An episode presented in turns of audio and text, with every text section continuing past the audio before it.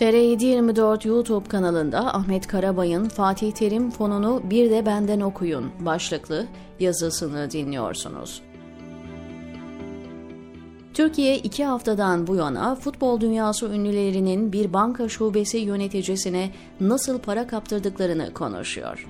Kimine göre gündemin ülkede çok daha büyük paraların birileri tarafından iç edildiği bir dönemde böyle küçük paralarla meşgul edilmesi, ötekileri unutturmaya yönelik bir girişimden başka bir şey değil. Gelin işin esasının nasıl olduğuna biraz farklı açıdan birlikte bakalım. Önce sevimsiz bir dizi tarih sıralayacağım.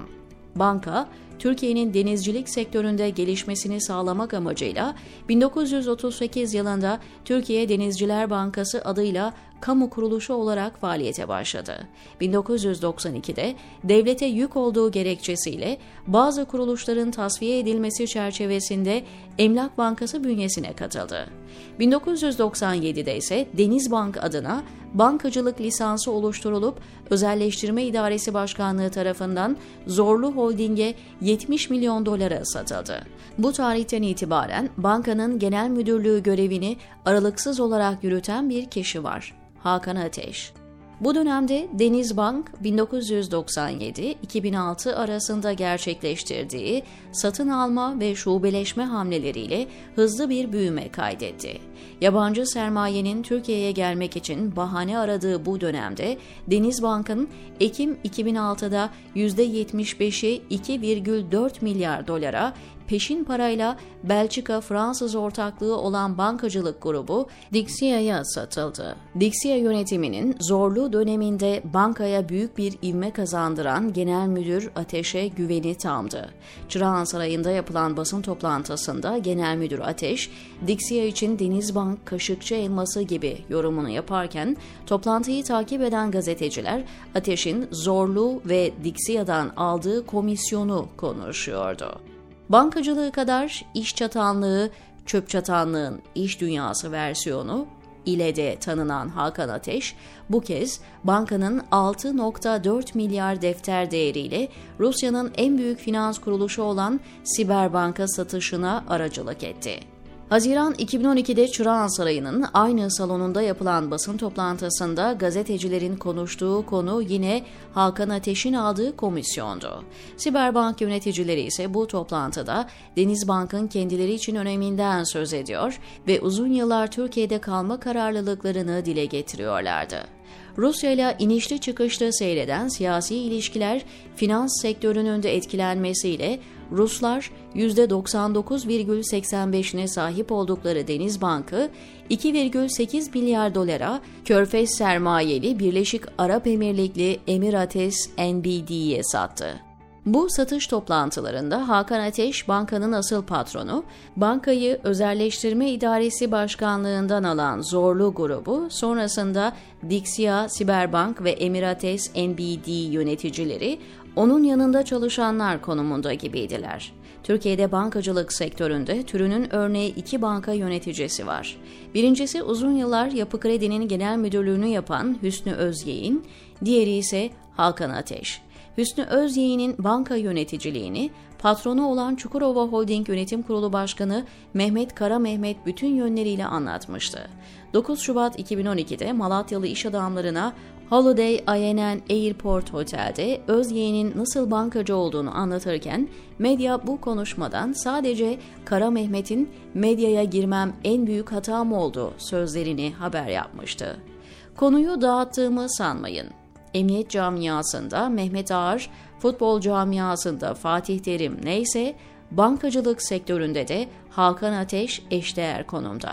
Aralarında Arda Turan, Emre Bölezoğlu, Selçuk İnan, Fernando Muslera gibi 18 kişiyi dolandırdığı gerekçesiyle banka şube müdürü Seçil Erzan hakkında açılan dava 43 milyon dolarlık para miktarı olarak belki öteki rüşvet, dolandırma ya da yolsuzluklara kıyasla çok küçük görülebilir.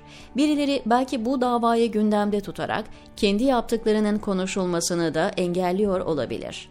Ancak dava ile ilgili olarak hazırlanan iddianame, Türkiye'de hukuk sisteminin işleyişini gün yüzüne çıkarması açısından çarpıcı bir örnek olarak önümüze konuldu. Halen tutuklu bulunan Denizbank Şube Müdürü Seçil Erzan, birinci ifadesinde Denizbank'ı ve Hakan Ateş'i korumaya çalışırken 3 Mayıs 2023'te verdiği ifadede pek çok şeyin genel müdürün bilgisi dahilinde yapıldığını anlattı.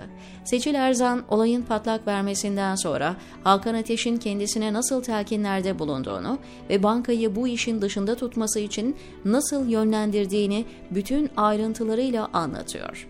Bu konuda daha fazla detay isteyenler, karar yazarı Yıldıray Oğur'un 27 Kasım tarihli yazısını mutlaka okumalı.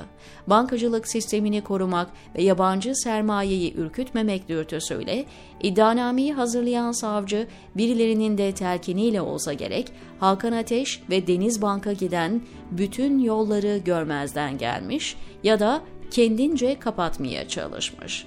1984 doğumlu Seçil Erzan biyografisinde yer alan bilgilere göre Galatasaray'ın evi kabul edilen Florya şubesinde uzun süre görev yaptıktan sonra Levent Büyükdere şubesinde müdür olarak 12 yıl boyunca kalıyor. Bu şube tabiri caizse genel müdürlüğün burnunun dibinde. En büyük şube olacak, genel müdürlüğün hemen yanında bulunacak ve bütün bu yapılanlardan Hakan Ateş'in bilgisi dışında yaşanacak. Yakından tanıma fırsatı bulduğum pek çok büyük patrondan daha büyük bir egoya sahip olan Hakan Ateş, geçen yıl Denizbank'ın 25 yılına ilişkin hazırladığı tanıtım filminde ego katsayısını en yalın biçimde ortaya koymuştu.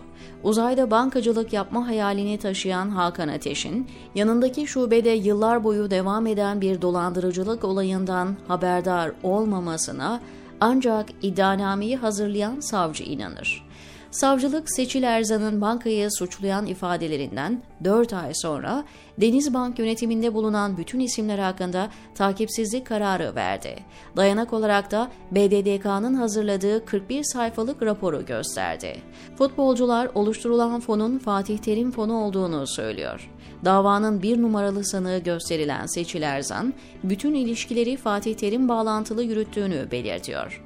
Ne var ki adından en çok söz edilen ama iddianamede adı geçmeyen ikinci isimse Fatih Terim. Türk futbolunda unutulmaz bir yere sahip olan Hakan Şükür, öteki futbolculara giden tekliflerin kendisine de yapıldığını ama her defasında geri çevirdiğini bütün ayrıntılarıyla anlattı. Fatih Terim, Saffet Sancaklı, Alpay Özalan ve Hidayet Türkoğlu gibi şaibeli isimlerin prim yaptığı Türkiye'de Adı hiçbir şaibeye karışmamış olan Hakan Şükür'ün söyledikleri işin başka yüzünü ortaya koyuyor. Öte yandan her konuda hemen yayın yasağına başvuran Beştepe Sarayı, fon vurgununun gündemde tutulmasından hayli memnun görünüyor. Zira Hakan Şükür'ün dile getirdiği, sonradan da farklı şekillerde doğrulanan Arda Turan ve Emre Bölözoğlu'nun Cumhurbaşkanı Tayyip Erdoğan'a gittikleri artık gün gibi aşikar. Yani sarayda fon dolandırıcılığı patlak vermeden önce olayın bütün ayrıntılarına vakıf olmuş oluyor. Seçil Erzan dosyası, patronlar ve imparatorların faniler gibi aynı kantara konmadığını bir kez daha gün yüzüne çıkardı, diyor Ahmet Karabay TR724'deki köşesinde.